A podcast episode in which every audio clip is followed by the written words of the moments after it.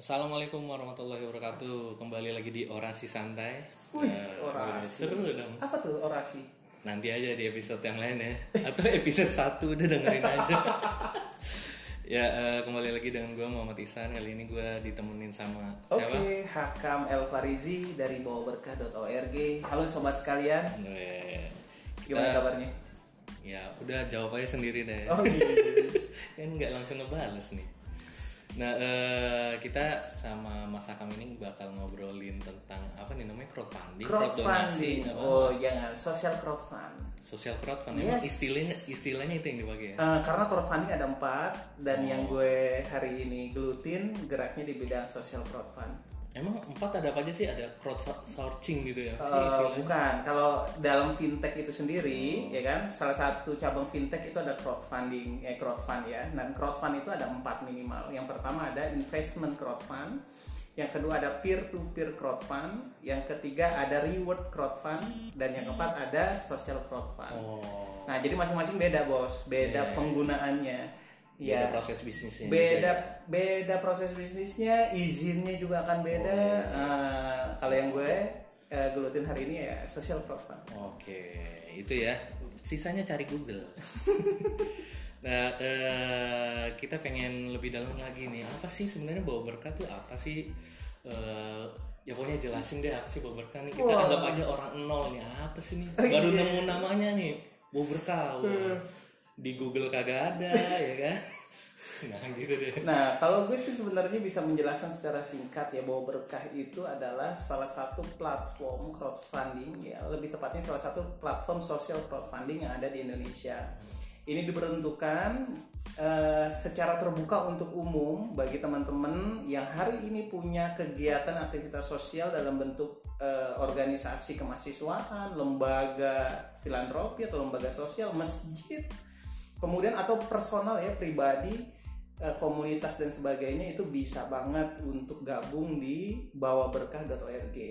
Nah, jadi nanti kita akan fasilitasi teman-teman dengan eh, ya fitur-fitur yang bagus gitu ya. Kemudian ya teman-teman bisa menggalang donasi lah semudah mengupdate status. Ya, tapi bukan status jomblo karena status jomblo itu susah diupdate nya men. Galang dana buat pernikahan bisa nggak? Oh bisa. Oh iya. Terus eh, mungkin eh, beberapa orang ada yang lebih kenal salah satunya kita bisa. Oh, Nah bedanya apa nih dari beberapa? Apa sama aja? Apa gimana? Secara umum, secara bisnis proses kita sama eh, kita bisa mirip-mirip lah ya, beti lah ya, beda tipis. Tapi yang membedakan kita adalah kita bukan hanya eh, menghimpun dananya juga, tapi kita memposisikan sebagai mitra penggalangan dana dan mitra penyaluran. Oh. Nah, ini yang nggak yang nggak ada di toko sebelah men. Iya iya. iya. Eh, eh, kenapa gue bisa bilang kayak gitu karena bawa berkah diinisiasi oleh dompet duafa. Nah, jadi dompet duafa dengan pengalaman kurang lebih udah 25 tahunan lebih gitu ya, udah jalan. Kemudian dia juga banyak kita juga banyak programnya di dompet duafa itu banyak programnya. Nah, bawa berkah salah satu anak yang dihasilkan dari dompet duafa itu sendiri. Oke.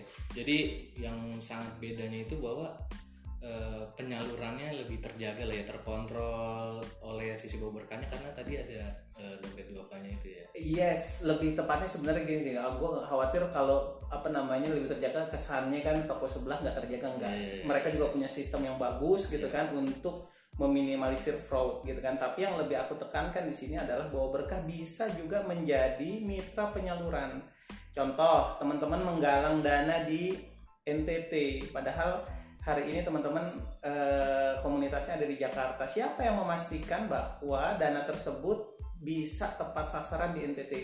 Kenapa lo apa nyebarin di NTT? Mungkin salah satu apa namanya eh, alasannya karena ngelihat oh di NTT tuh ada kekeringan, gue pengen bantu gitu kan, gue pengen menggalang dana, gue lembaga gue pengen pengen eksis juga di situ pengen contribute ya eksisnya itu contribute di situ gitu kan. Tapi bingung menyalurkannya. Nah kita bisa juga menjadi mitra penyaluran di situ karena jaringan dompet duafa yang menasional juga siap untuk membantu hal itu men. Oke, sip.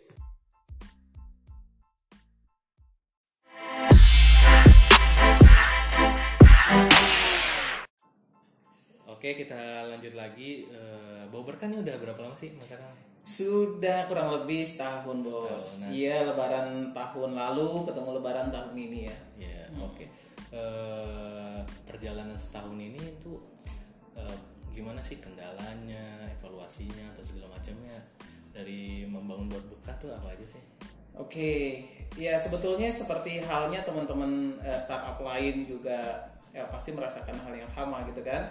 Yang pertama ketika kita muncul ya awal kali kita live di Ramadan tahun 2017 lalu kita coba memberanikan diri lah. Apakah bawa berkah pertama kita ingin menguji beberapa hal. Pertama yang kita uji adalah market. Ya, market kita ada di mana? Apakah memang segmen market kita sudah pas dan memang ada yang eh, makan atau enggak nih kalau bawa berkah eh, hadir gitu kan. Kemudian yang kedua yang kita uji adalah sistem kita juga gitu kan karena eh, crowdfund itu eh, ya nggak bisa dipungkirin lah em, ada uang masuk dan ada uang keluar gitu kan. Dan sistemnya tuh automate gitu loh. Kita pakai eh, ya sistem payment gateway lah kayak gitu ya. Dan kita ingin menguji juga di tahun itu gitu ya kira-kira sistem kita sudah seberapa tangguh sih dalam menghadapi eh, data-data user-user yang masuk ya dananya kemudian eh, ada masalah nggak di situ? Ya pasti ada lah gitu kan di awal.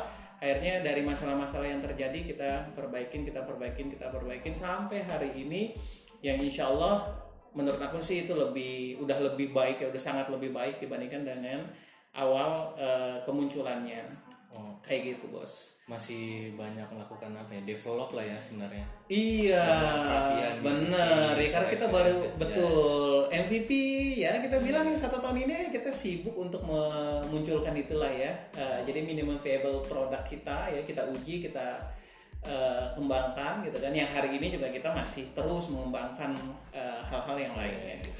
Ini eh, orang si santai kan salah satunya ngebahas digital marketing. Oh iya siap siap bos. Eh, strategi apa sih yang lu telah terapin di ya terutama ini kan brandnya baru ya orang ngenalinnya apa dan segala macamnya. Sedangkan kalau gue di dompet duafa kan orang udah tahu ya lebih gampang lah ya. Nah kira-kira ada strategi apa nggak? Plus ya pengalaman soal inilah eh, strategi-strategi itu. Iya iya iya. iya. Pertama gue sih sebenarnya dari sisi brand bahwa berkah itu diuntungkan ketika eh, dompet Duafa juga membantu mempromosikan di jaringan-jaringannya. Ya kita bisa tahu lah dompet Duafa eh, di daerah itu ada sekian belas cabang gitu kan. Kemudian dalam dan luar negeri juga dia ada gitu kan. Dan bawa berkah ini menjadi salah satu eh, platform untuk penggalangan dana mereka. Ya, jadi eh, aku sih sebenarnya sangat terbantu banget lah dengan teman-teman dompet duafa yang ada di sana. Tapi khusus untuk digital marketing apa aja yang kita lakukan, ya untuk akuisisi user kita masih mengandalkan iklan lah, iklan di Facebook, Facebook Ads ya. Facebook Ads betul. Gue kemarin ngiklan di Google tapi budgetnya terlalu nggak masuk akal menurut gue gitu kan dan gue juga belum dapet eh, Google AdGrants. oh harus dengerin ya nah, mudah-mudahan nih eh, di, di 100 juta. approve maksud gue Oh, gitu. iya, iya, iya, iya. lumayan 100 juta per bulan Nah itu dia tuh setelah kita per bulan mudah-mudahan ini viral kemudian didengerin sama Facebook Indonesia atau Salah satu akun saya habis diblok lagi tadi, ditelepon lagi. Ya. Beneran? Oh, iya, men. Sudah perbaikan? Ya. Ya, sesuai podcast sebelumnya lah kalau udah denger. Karena udah lama nggak dicek, dua minggu keblok lagi. Waduh, peraturannya nambah lagi. wah apes juga ya berarti ya. Iya. Oke, itu ya eh, kurang lebih lah. Nanti bisa ngobrol lebih banyak lah. Sama apa nih Instagramnya nih Mas Akang? Instagramnya bawa berkah. Oh, bu- enggak, Enggak, Instagram aja, pribadi kalau yang mau konsultasi sedang Oh jangan juga. itu ituan di eh, amatin oleh istri gue. itu akun gue buat jualan mas. Oh iya. iya. akun gue jualan kalau ke akun gue wah banyak produk-produk wanita. kita lanjut dah kita lanjut dah nih eh, ini nih pertanyaan yang mungkin nggak apa ya eh, crowdfunding Oke. sebelah nggak bisa jawab nih Oh. punya experience nih Oh gila gila berat ya gimana kayaknya. rasanya nih ada tuh pertanyaannya udah gue kasih Oh iya. iya. karena kita juga ngerasain gitu ya eh, Hmm. rasa ngebangun startup gitu memulai tapi di eh, dalam korporasi yang udah gede gitu ya mereka Hmm. udah punya aturan segala macam sedangkan kan bawa berkah ini hal baru gitu ya Hmm. terus eh, lu experience-nya gimana tuh menjembatani itu Pertama memang gue akuin. Pertama gini gue pengen jelasin startup di tubuh korporasi itu ya banyak plus minusnya lah gitu kan. Ya di satu sisi gue sadar bahwa ini bagian dari transformasi digital Iya, iya. dari korporasi itu sendiri gitu loh gitu kan. Upaya masuk ya Oh, oh, artinya dompet wafa 25 tahun men, ya kan? Udah tua banget menurut menurut gue sebagai lembaga gitu loh, ya kan? Jadi harus punya hal baru juga, ya. Hal baru kan sebenarnya bisa akuisisi yang udah ada gitu kan, bisa juga ya Kayak- bikin lagi kayak baru. Alibaba gitu ya. Oh, oh, oh, kan? Pendanaan seri 7 lanjut lanjut lanjut iya iya iya. Nah, eh, jelas memang culture-nya itu beda, men. Iya, iya. Ya kan? Artinya mindset kita kalau kal- culture korporasi dengan startup itu pasti beda. Dari gaya pakaian aja gitu kan. Gue sih pengennya kasual-kasual aja gitu Iya. kan. Kalau perlu gue pakai kaos setiap hari gitu kan. Meeting doang gue pakai baju. Kalau bawa ini gitu. Wah, tulisan di tengah bawa berkah lah ala-ala startup gitu Iya. kan. Nah, eh, kemudian jam kerja ya bisa disesuaikan gitu Iya. kan, nggak harus 8 sampai 5 sore gitu kan. Nah, ini sebenarnya ya ada plus minusnya lah gitu kan. Ya, kemudian juga eh, dari sisi atmosfer kerja ya. Kalau Hmm. tadi dari dari ini ya, dari bagian kita ya, tapi atmosfernya juga itu kan juga beda, men gitu kan, ngebangun eh, atmosfer startup dengan korporasi itu beda. Yang sudah ada value-nya dari awal dan harus kita bawa, waduh ini agak-agak ini juga agak tergopo-gopo menyesuaikan dengan culture misalkan gaya-gaya startup hari ini.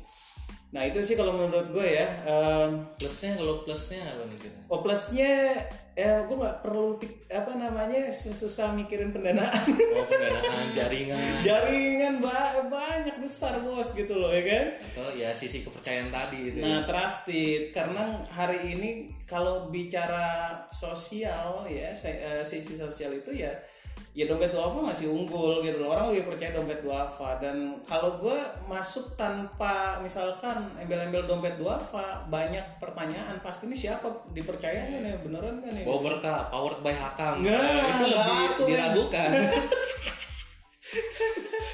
Iya, iya. Ya kira-kira begitu deh.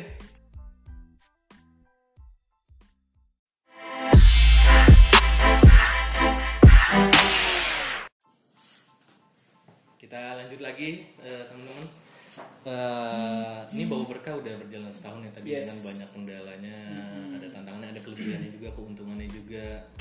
Eh, kira-kira ke depan nih tantangannya apa aja sih? Atau apa aja deh yang mau lo lakuin buat bau berkah ini dikembangin lebih lanjut? Oke, aku lagi asik sebenarnya main di segmen masjid. Kita pengen memfasilitasin masjid-masjid eh, yang ada di Indonesia gitu agar mereka bisa juga menggalang dana, menggalang donasi. Salah satunya donasi yang bentuknya zakat. Karena kalau kita tahu ya meski hari ini masjid-masjid masih menggalang eh, zakat gitu ya, tapi mereka belum punya payung hukum.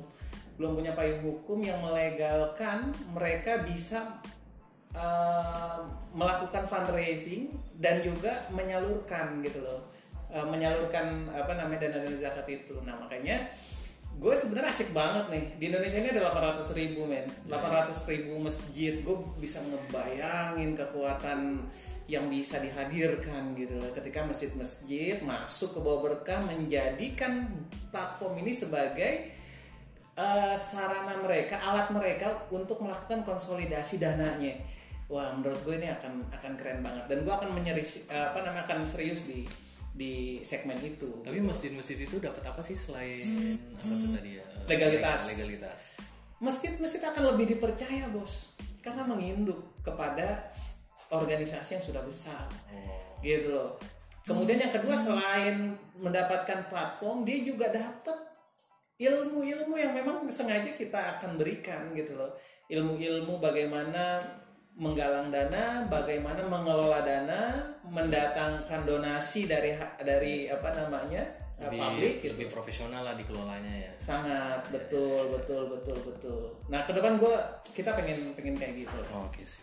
Eh, kita tutup dengan ini kali ya, Mas. Kan lu ada tips atau apa nih? Ya sharing-sharing aja deh. Eh, pengalaman lu bawa berkah selama ini apa aja sih? Buat para pendengar nih. Terutama sisi itu tuh tadi. Apa tuh?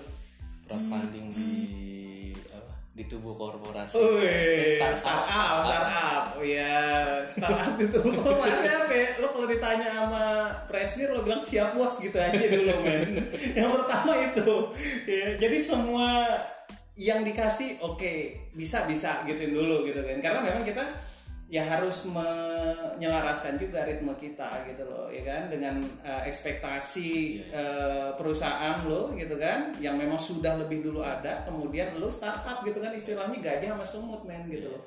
Plus gap knowledge-nya itu ya. Yes itu. Paling kan butuh waktu dan kita perlu masuk itu pelan-pelan gitu loh ke situ loh.